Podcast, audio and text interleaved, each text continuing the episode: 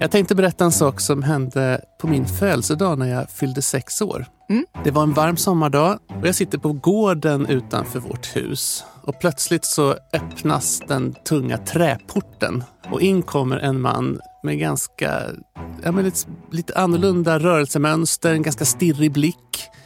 Och jag känner igen honom för det är våran granne. Han heter Conny men alla kallar honom för Konta och han är liksom kvarterets knarkare. Och just den här dagen så spänner han sin stirriga blick i mig och så säger han att om jag hittar dig på stan och du sitter och dricker med några kompisar, då kommer jag slå ihjäl dig. För det här livet är inte värt att leva. Och så hade han med sig en stor godispåse för han visste att jag fyllde år den här dagen. Och sen så går han ut och porten slår igen. Men jag har aldrig glömt det här. Tror du att det har haft någon sorts avskräckande effekt? För du är ju ganska återhållsam när det gäller Ja, men- droger och alkohol också. Ja, men det skulle jag väl säga. Jag tror inte det är för att jag går runt och är rädd för att bli ihjälslagen om Konta hittar mig på stan. Men eh, att ha fått se hur droger kan bryta ner en vuxen människa, det gjorde ett starkt intryck på mig tror jag. Välkommen in i riskzonen med mig Mattias Öberg. Och med mig, Emma Frans. Vi är båda verksamma vid Karolinska institutet som forskare och på olika sätt så jobbar vi med risker. Jag som epidemiolog och du Mattias som toxikolog. Och jobbar man med risker och gör en podd om risker så måste man, tycker jag, någon gång också beröra ämnet missbruk. För det är en av de saker som verkligen orsakar enormt stora risker på individnivå och enormt stora risker för hela samhället. Och vi börjar med att följa en väldigt oroväckande utveckling på andra sidan Atlanten.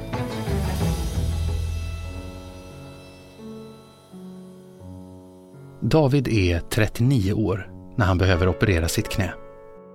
Han är lyckligt gift och ägare av en framgångsrik mäklarfirma med 75 anställda. Men efter operationen börjar en mardröm som han inte ens hade kunnat föreställa sig någon månad tidigare. Efter det kirurgiska ingreppet får David ett recept på Oxycontin för att hantera smärtan i knät. Men ingen berättar om de beroendeframkallande egenskaperna hos receptbelagda opioider. Inom några veckor har beroendet knutit honom till sig och han ökar successivt dosen långt över det som läkaren ordinerat. När Davids läkare inte längre vill skriva ut preparatet till honom övergår David till att själv injicera heroin och tappar allt mer kontrollen över sitt liv. På kort tid går hans företag i konkurs, hans fru lämnar honom och han döms till fem års fängelse. Året är 1996 när läkemedelsföretaget Purdue Pharma börjar marknadsföra och sälja läkemedlet Oxycontin. Bolaget ägs och kontrolleras av familjen Sackler som genom det nya läkemedlet på kort tid tjänar miljardbelopp. We doctors were wrong in thinking that opioids can't be used long term. They can be and they should be. Det starka opioidpreparatet beskrivs som en mirakelmedicin mot smärta och företaget uppger att de lyckats göra ett ämne som frisätts så långsamt att det inte är beroendeframkallande. Och så riktar de sin marknadsföring till läkare som ofta möter personer med kronisk smärta eller patienter som har ont efter operationer. A year and a half to two years into the pills, my behaviors obviously began to change. I was present, but I wasn't there. På den amerikanska folkhälsomyndigheten CDCs webbplats kan man ta del av Davids historia. Eventually, my whole life began to unravel. I woke up one day and I had been taking an insane amount of opioids a day. Även Davids dotter Sandra berättar om när hennes pappa var fast i missbruket. Min pappa var inte närvarande under den tiden. Han var opålitlig och kaotisk och han verkade aldrig ha någon energi, som om han alltid var på väg att somna. Han började spela, förlorade sitt företag och hamnade i fängelse. Hela familjen drabbades. Vi förlorade allt. Och vi förlorade nästan honom. Jag var förkrossad över att se mina föräldrar kämpa och må så dåligt. Även om jag var ung visste jag att min fars opioidanvändning inte var ett eget val. Jag visste hur mycket skam han måste ha känt över att se allt han hade gett oss bli borttaget på ett ögonblick. Det som jag tycker är väldigt obehagligt med den här berättelsen det är ju att man känner att nästan vem som helst skulle kunna fastna i ett missbruk när man blir beroende via ett läkemedel som man får liksom utskrivet från en läkare. Ja, det som är lite lurigt med de här typen av kemikalier är ju också att de faktiskt binder till specifika receptorer i centrala nervsystemet och liksom påverkar kroppens naturliga system och beteenden. Det är inte bara att smärtan försvinner utan det byggs ju in ett beroende. Man får den här toleransen som utvecklas ganska snabbt, vilket gör att man upplever att man behöver ta mer och mer och mer för att, så att säga, behålla den här effekten. Kanske både på smärtan och kombinerat dessutom med den här liksom lite ruskänslan som kommer. Och sen med den här toleransutvecklingen som gör att man behöver mer och mer, då är det rätt vad det är en läkare som säger stopp, nu får du inget mer. Och då går det att hitta andra typer av då illegala droger på gatan till exempel. Och då går det över från det här läkemedelsberoendet till då ett regelrätt narkotikaberoende. Och det handlar väl både om folk som så att säga, plockar ut recept och som sen så att säga, säljer vidare sina egna mediciner. Att man inte följer ordinerade doser och den typen av problem. Och sen så småningom så kan det också just leda till att man söker sig till liksom en svart marknad och kanske hittar starkare liknande droger men vad händer egentligen i kroppen när man utvecklar ett beroende? Ja, det där var en fråga som jag ville ställa också och jag kontaktade Joar Guterstam som är legitimerad läkare och specialist i psykiatri och beroendemedicin på Karolinska institutet. Vad som händer i kroppen när man blir beroende är på ett sätt en ganska stor fråga. Det händer liksom massor av saker förstås. Men om man ska börja med att säga någonting om vad beroende är för någonting då så är det ett syndrom då som vi säger att det är liksom en sjukdom som finns i våra diagnosmanualer då. Och eh, det betecknar i alla fall nu som en psykiatrisk diagnos. Och då finns det som för alla psykiatriska diagnoser ett antal kriterier som man kan uppfylla. Då. Och det är inte så att man behöver uppfylla alla de kriterierna utan generellt sett är liksom ju fler såna symptom eller kriterier man uppfyller desto svårare beroende har man. Då. Och det gör också att man kan uppfylla kriterierna för diagnos på ganska många olika sätt också. Man kan ha betoning av vissa problem och få den diagnosen, men också problem eh, av lite annat slag. Då. De viktigaste symptomen skulle jag säga är väl att det är svårt att sluta helt enkelt med det substansintag man har. Trots att man vill det och trots att man försöker gång på gång så lyckas man inte bli av med den här ovanan man har skaffat sig. Och det leder också till negativa konsekvenser både för hälsan och för liksom social funktion och det går ut över andra saker i livet. Det är liksom väldigt centrala kriterier för det här beroendetillståndet. Då. Är det skillnad på så att säga, kemiskt beroende, opioider till exempel, och beroende som uppstår, som vi pratar om ibland, mobilberoende eller spelberoende? Det där är en väldigt omdebatterad fråga. I vilken mån, hur mycket liknar de här beteendeberoendena eller substance addictions de mer så att säga, klassiska beroendena av alkohol eller opioider och sådär.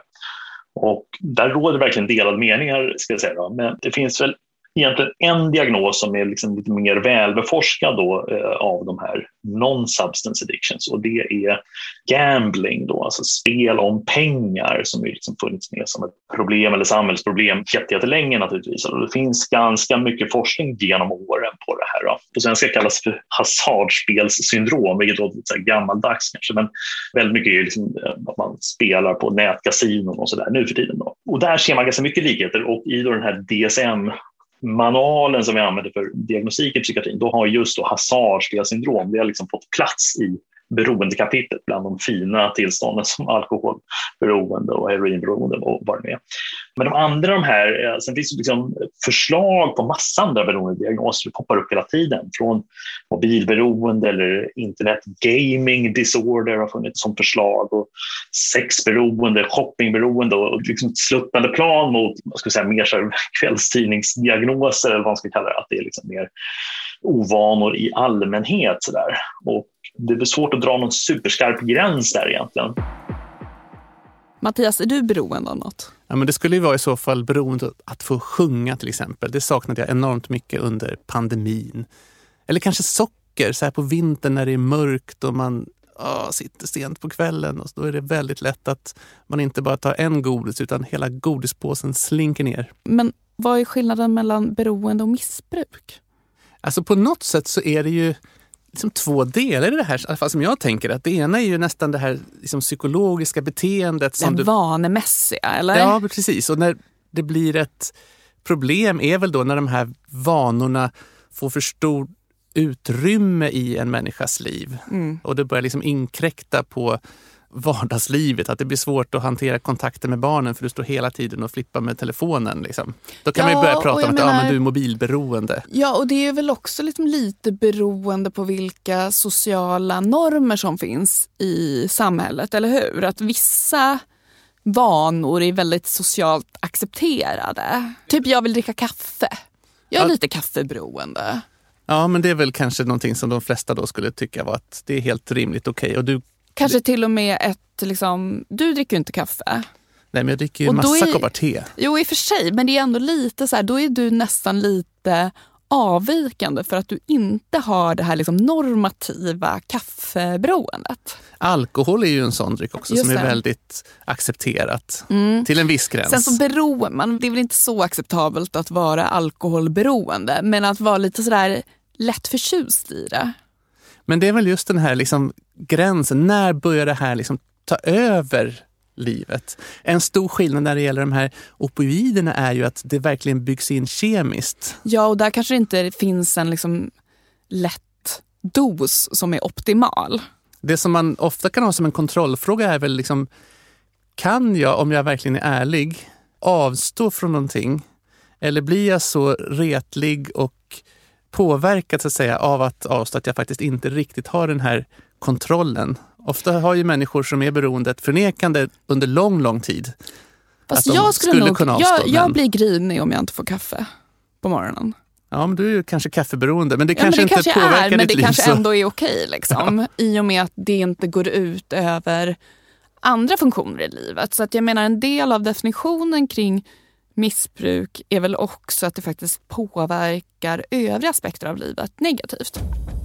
New data is highlighting the alarming rise in drug overdose deaths in the U.S. Based on the latest numbers, the CDC predicts more than 90,000 overdose deaths happened between October 2019 and September 2020. That is the most ever recorded since the opioid epidemic began in the 1990s. USA är ju liksom eh, skräckexemplet på hur det kan gå jättefel liksom i hanteringen och inte minst från sjukvårdens sida. Då. Och hundratusentals människor har dött av opioider. Och det är inte något jätte, jätteenkelt problem så där, vare sig att förstå eller så där, åtgärda. I alla fall inte åtgärda nu. För från början var det ju, om man säger så här, det har ju varit en enorm överförskrivning av opioider i USA. Det tror jag alla liksom är överens om. Och det har drivits, inte minst av liksom marknadskrafter som vill att sälja opioider av olika slag. Och man har då nedtonat riskerna väldigt mycket med det här. Då. Det har varit nästan en dogm om att har du smärta, då är det inga problem att ta opioider. Du kan inte bli beroende om du har smärta också. Men det är ju en felaktig föreställning. Man kan ju mycket väl få jättesvåra problem med opioider, även om du har smärta. Och det har liksom visat sig då under 2000-talet att den här mängden människor som får problem har liksom ökat, ökat, ökat. Och sen har man ganska snabbt då vänt i sjukvården och de senaste tio åren har ju förskrivningen liksom halverats av opioider i USA.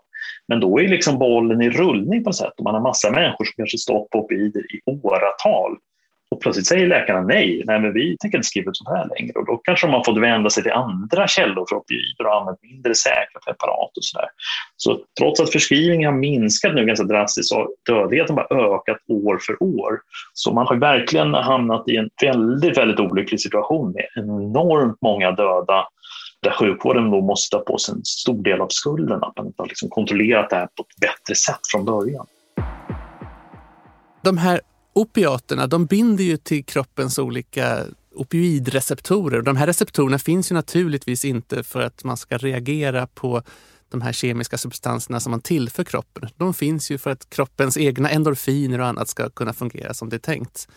Och det som händer när de här ämnena, oavsett om det är heroin, morfin, kodin, de här eh, som kommer då från opiumvallmon, oavsett om det är de ämnena eller helt syntetiska liknande ämnen, så binder de in till de här receptorerna och påverkar ju det centrala nervsystemet. Och det är det som gör att de kan till exempel slå ut och ta bort smärta. Men det är också det som gör att det påverkar både beteende och i höga doser till och med kan slå ut andningen. Så det som händer vid en överdos är ju ofta att människor slutar andas och dör helt enkelt av kvävning. The opioid epidemic. It's the deadliest drug crisis in American history, killing about 90 Americans every day, roughly the same number as car crash. Det började ju redan under Vietnamkriget. En hel del soldater kom tillbaka med heroinberoende för att det var den typen av droger som var lätt att få tag på där borta. Men sen i slutet av 90-talet så händer ju någonting när läkemedelsindustrin går in och börjar så att säga sälja nya varianter av de här ämnena som läkemedel som då påstås vara ofarliga och där man har hanterat den här beroendeproblemen som man ju har känt till länge när det gäller till exempel morfin och så. Men det hade man alltså inte? Nej, tanken som man hade var att om man kan få de här ämnena att utsöndras lite mer kontrollerat i kroppen när man tar tabletten så skulle man då kunna liksom minska det här beroendeproblemen.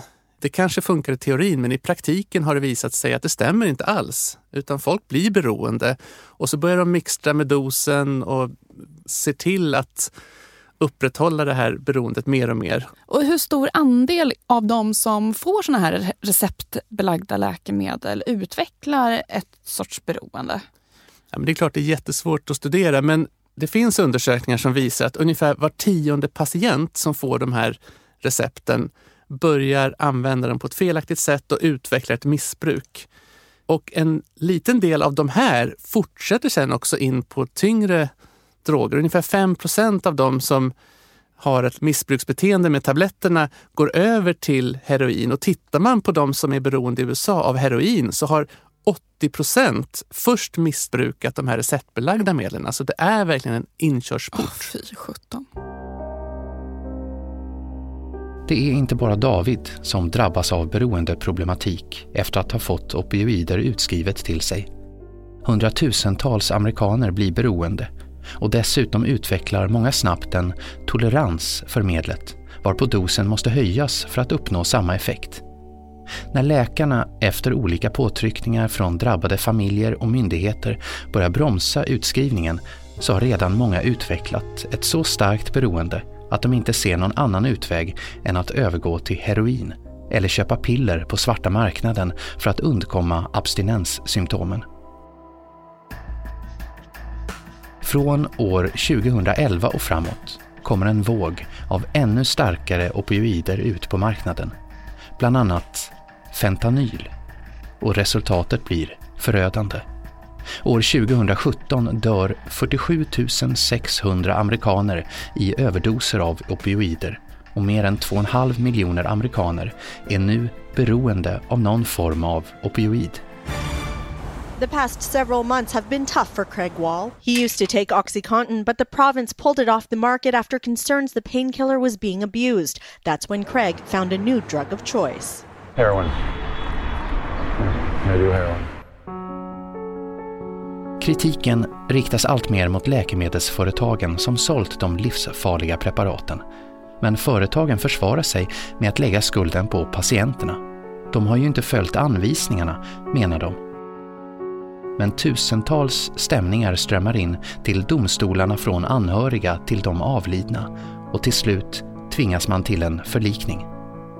En federal konkursdomare godkänner onsdagen den 1 september 2021 en uppgörelse som innebär att ägarna till Purdue Pharma, familjen Sackler, tvingas bort från företaget. Och Purdue Pharma tvingas satsa upp till 10 miljarder dollar på insatser för att bekämpa det utbredda beroendet av opioider. En nationell kris som sen man började sälja Oxycontin dödat en halv miljon amerikaner men uppgörelsen innebär också att familjen Sackler skyddas från eventuella framtida rättegångar om opioider. Emma, hur ser du på det här med vem som egentligen har ansvar för uppkomsten av den här opioidkrisen som USA genomlider. Är det de som använder det här utan att följa läkarnas rekommendationer? Är det läkarna som skriver ut eller de som säljer illegalt? Eller är det läkemedelsbolagen som så att säga, från början förde fram de här preparaten? Alltså det är väl klart att man måste titta på olika bidragande faktorer men jag måste nog ändå säga att jag tycker att de här läkemedelsbolagen har väldigt stor skuld i den här utvecklingen. De verkar ju ha haft en marknadsföring som verkligen riktade in sig på områden där det bor människor med kanske mycket kronisk smärta, vilket är vanligt om du har liksom Alltså I socialt utsatta områden så är det ju vanligare med den typen av problem. För du har arbeten som kanske sliter ut kroppen helt enkelt.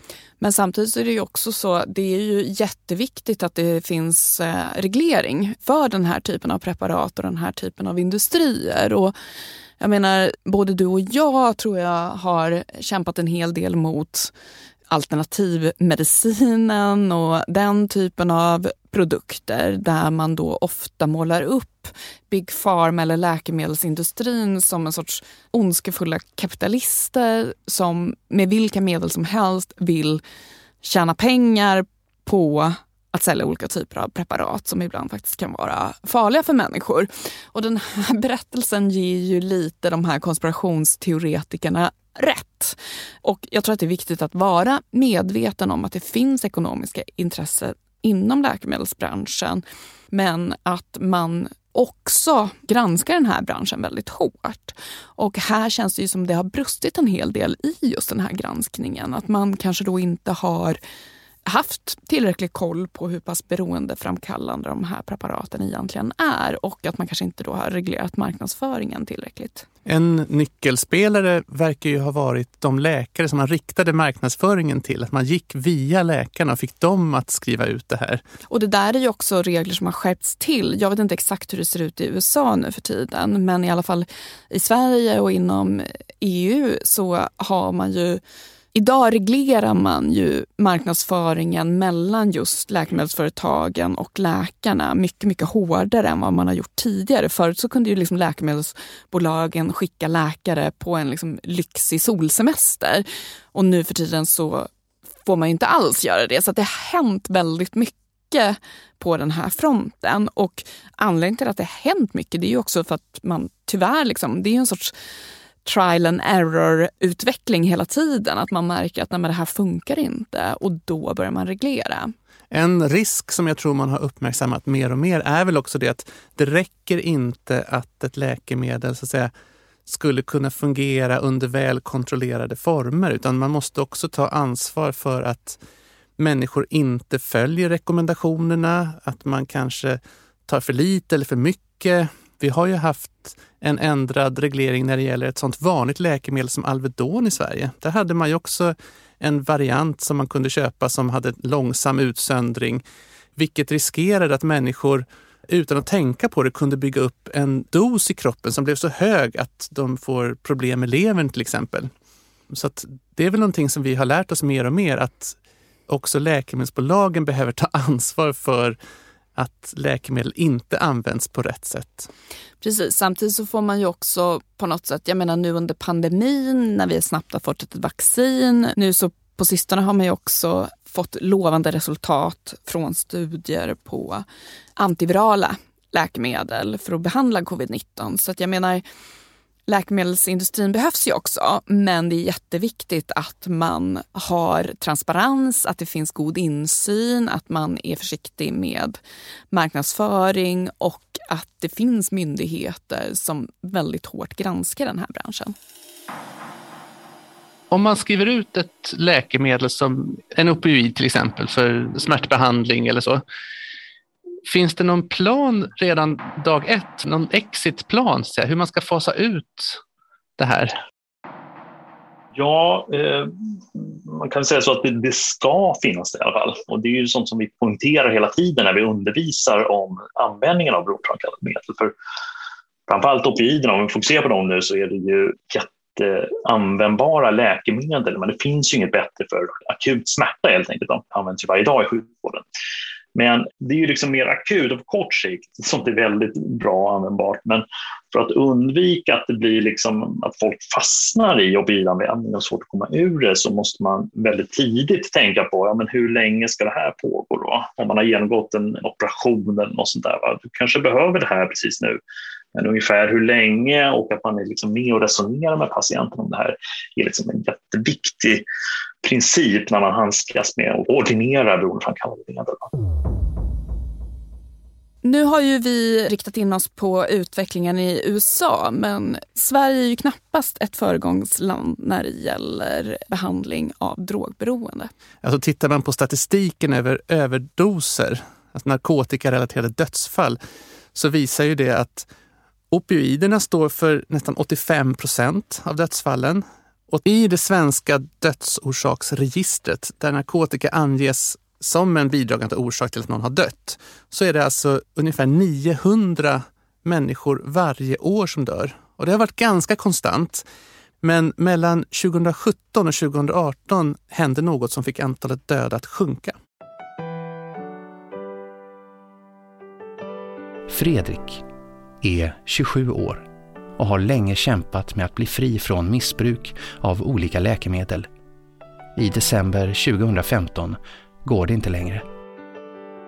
Efter år av droganvändning är Fredrik i så dåligt skick att han omhändertas med stöd av lagen om vård av missbrukare, LVM, och förs till ett slutet boende. När han kommer in väger han bara 60 kilo och den slutna vården blir en vändpunkt, en chans att bli drogfri. Men det blir en kortvarig förbättring. Efter en tid slussas han ut till ett öppet behandlingshem där kontrollen är sämre och många helt öppet använder droger.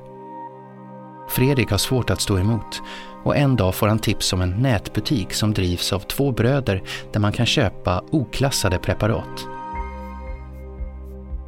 Han beställer ett nytt ämne via nätbutiken som är smidigt förpackad i en sprayflaska. Han tar av skyddet på sprayflaskan och trycker en gång och andas in eurosolen. Vår son, han stod och dog.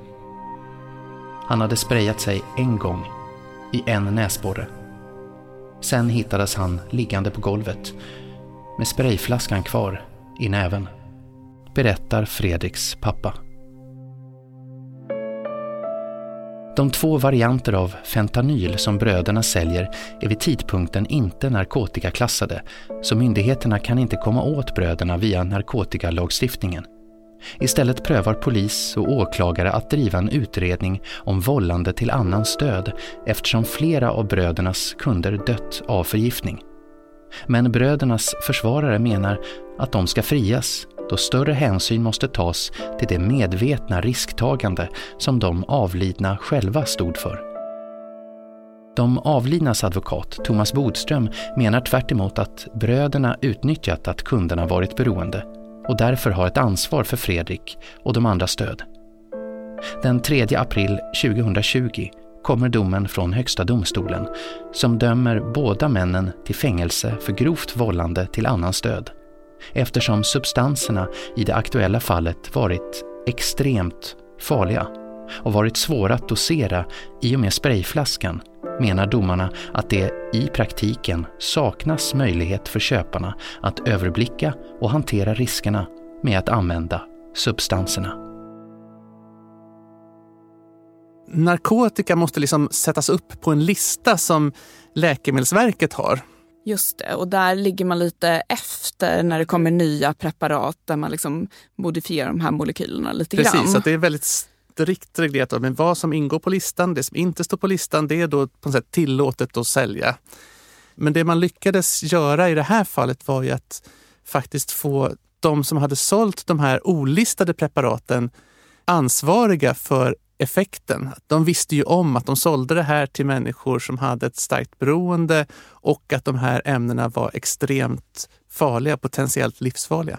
Just det. De här nya ämnena som kommer, där man ändrar lite grann på strukturen och så, de kan ju ibland vara många gånger mer giftiga än till exempel traditionella droger som heroin och morfin och så.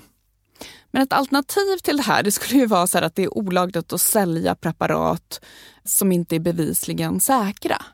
Lite grann som man har på vanliga läkemedel. Ja men precis. Men så kanske det inte funkar. Jag tycker att det låter som en mycket bättre ordning eftersom det är ett sånt känt problem, den här katt och råtta-leken. Att lagstiftarna kommer efter och definierar någonting, sätter upp det på en lista och då har redan knarkindustrin ändrat lite grann på den molekylära strukturen. De vet ju att det har exakt samma effekt. Så man skulle kunna gruppera ämnen efter den så att säga, aktiva delen i en molekyl tycker jag vore mycket smartare än att ha en hel strukturformel i en lagstiftning. Och det där är ju också lite speciellt för när det kommer till mycket annat av lagstiftningen i Sverige så är ju den väldigt hård när det kommer till just droger och där det är till skillnad från vissa andra länder också olagligt att använda drogerna, inte bara att sälja dem. Tror du det skulle göra skillnad om man avkriminaliserade det egna bruket så att säga och istället försökte lägga mer resurser på att komma åt de stora fiskarna i sammanhanget? Ja, alltså jag menar dels kanske den aspekten men sen så handlar det ju lite om huruvida man ska se droganvändande som ett brott eller en sjukdom. För att om det är brottsligt, förbjudet, så kanske människor undviker att söka vård och då kanske fastnar ännu mer i ett eh, problematiskt droganvändande. Och sen så om man tittar på andra länder, till exempel Portugal, där man har ändrat den här typen av lagstiftning så verkar ju det ha haft positiva effekter. Och jag vet också i Norge att man nyligen då har föreslagit avkriminalisering av innehav och eget bruk, åtminstone när det gäller en mindre mängd narkotika. Och då är ju själva syftet att möjliggöra vård istället för straff. Sverige har haft en ganska ovanlig narkotikapolitik länge och så där. Även om den har börjat skifta på senare år så har man länge varit väldigt skeptisk till till exempel medicinska åtgärder som skulle kunna minska skada för den här gruppen som fortfarande använder droger och så där. Man har varit väldigt skeptisk till det och istället haft fokus på att nå ett narkotikafritt samhälle, att det ska vara svårt att knarka som en slogan har varit då. Och eh, man har då lite grann inte haft lika tydliga och skarpa åtgärder för att hjälpa dem som har det svårast. Då. De har liksom hamnat väldigt mycket i marginalen och det har varit en hög dödlighet i den gruppen som har haft ett problematiskt bruk av opioider. Men det har svängt ut på senare år och jag är ändå lite positiv i utvecklingen. De sista fem åren så har faktiskt narkotikadödligheten minskat något i Sverige, även om den minskat ännu mer i många andra länder. Då. Så vitt jag vet så är ju liksom syftet med Sveriges hårda narkotikalagstiftning det är att avskräcka unga människor från att börja använda narkotika. Men Brottsförebyggande rådet de konstaterade i en utvärdering år 2000 att lagstiftningen inte verkar ha en avskräckande effekt på ungdomars droganvändning. Och sen dess har man inte gjort några nya utvärderingar. Och Även Folkhälsomyndigheten har föreslagit att man ska utvärdera svensk narkotikapolitik och till exempel utreda behov av till exempel injektions och brukarrum. Det här är ett väldigt kontroversiellt förslag. Men det verkar liksom inte finnas ett politiskt intresse för att göra den här typen av utredningar. Man har liksom, det känns som man nästan från politiskt håll redan har bestämt att man ska ha den här typen det av finns hårda berömt, lagstiftning. Det finns ju ett berömt klipp med eh, Lena Hallengren när hon först presenterar hur viktigt det är att följa Folkhälsomyndighetens råd när det gäller bekämpningen av pandemin. Och sen får hon en följdfråga med att, ja men hur är det då med det här med droger? Folkhälsomyndigheten har ju sagt att man borde utreda det här. Och då går hon in i en typ av defensiv politikerroll. Nu tycker jag du ställer den frågan på ett väldigt liksom löst formulerat sätt. Det beror naturligtvis helt på vad du, vad du liksom syftar på. För om man tittar på hur stort det här problemet är, det är inte bara det att vi är värst i Europa när det gäller dödsfall, utan hela hälsobördan. Om man bara tittar på folkhälsan så är det ju många år av liksom friskhet, det som vi brukar mäta som Disability Adjusted Life Years, DALYs, som går till spillo till följd av detta. Man undersökte det 2010 och då pratar vi alltså om storleksordningen 1-2 procent av den totala sjukdomsbördan i landet. Det kanske kan låta ganska lite, men det innebär ju ändå att vi kan spara enormt mycket för hela samhället om vi kan komma till rätta på ett bättre sätt med problemen kring missbruk och droganvändning. På min klinik då, Beroendecentrum Stockholm får vi in personer som har alla möjliga olika sorters beroenden och behandlingen skiljer sig åt ganska mycket beroende på exakt vad det handlar om. Då. Men det finns vissa hörnstenar som är gemensamma för de allra flesta beroendena och oftast handlar det om beteendeterapeutiska insatser, då, KBT och liknande, och sånt, där samma principer har visat sig ganska verksamma nästan vad man än är beroende av. Då kartlägga sitt eget beteende och se på alternativ och hantering av drogsug och sådana saker.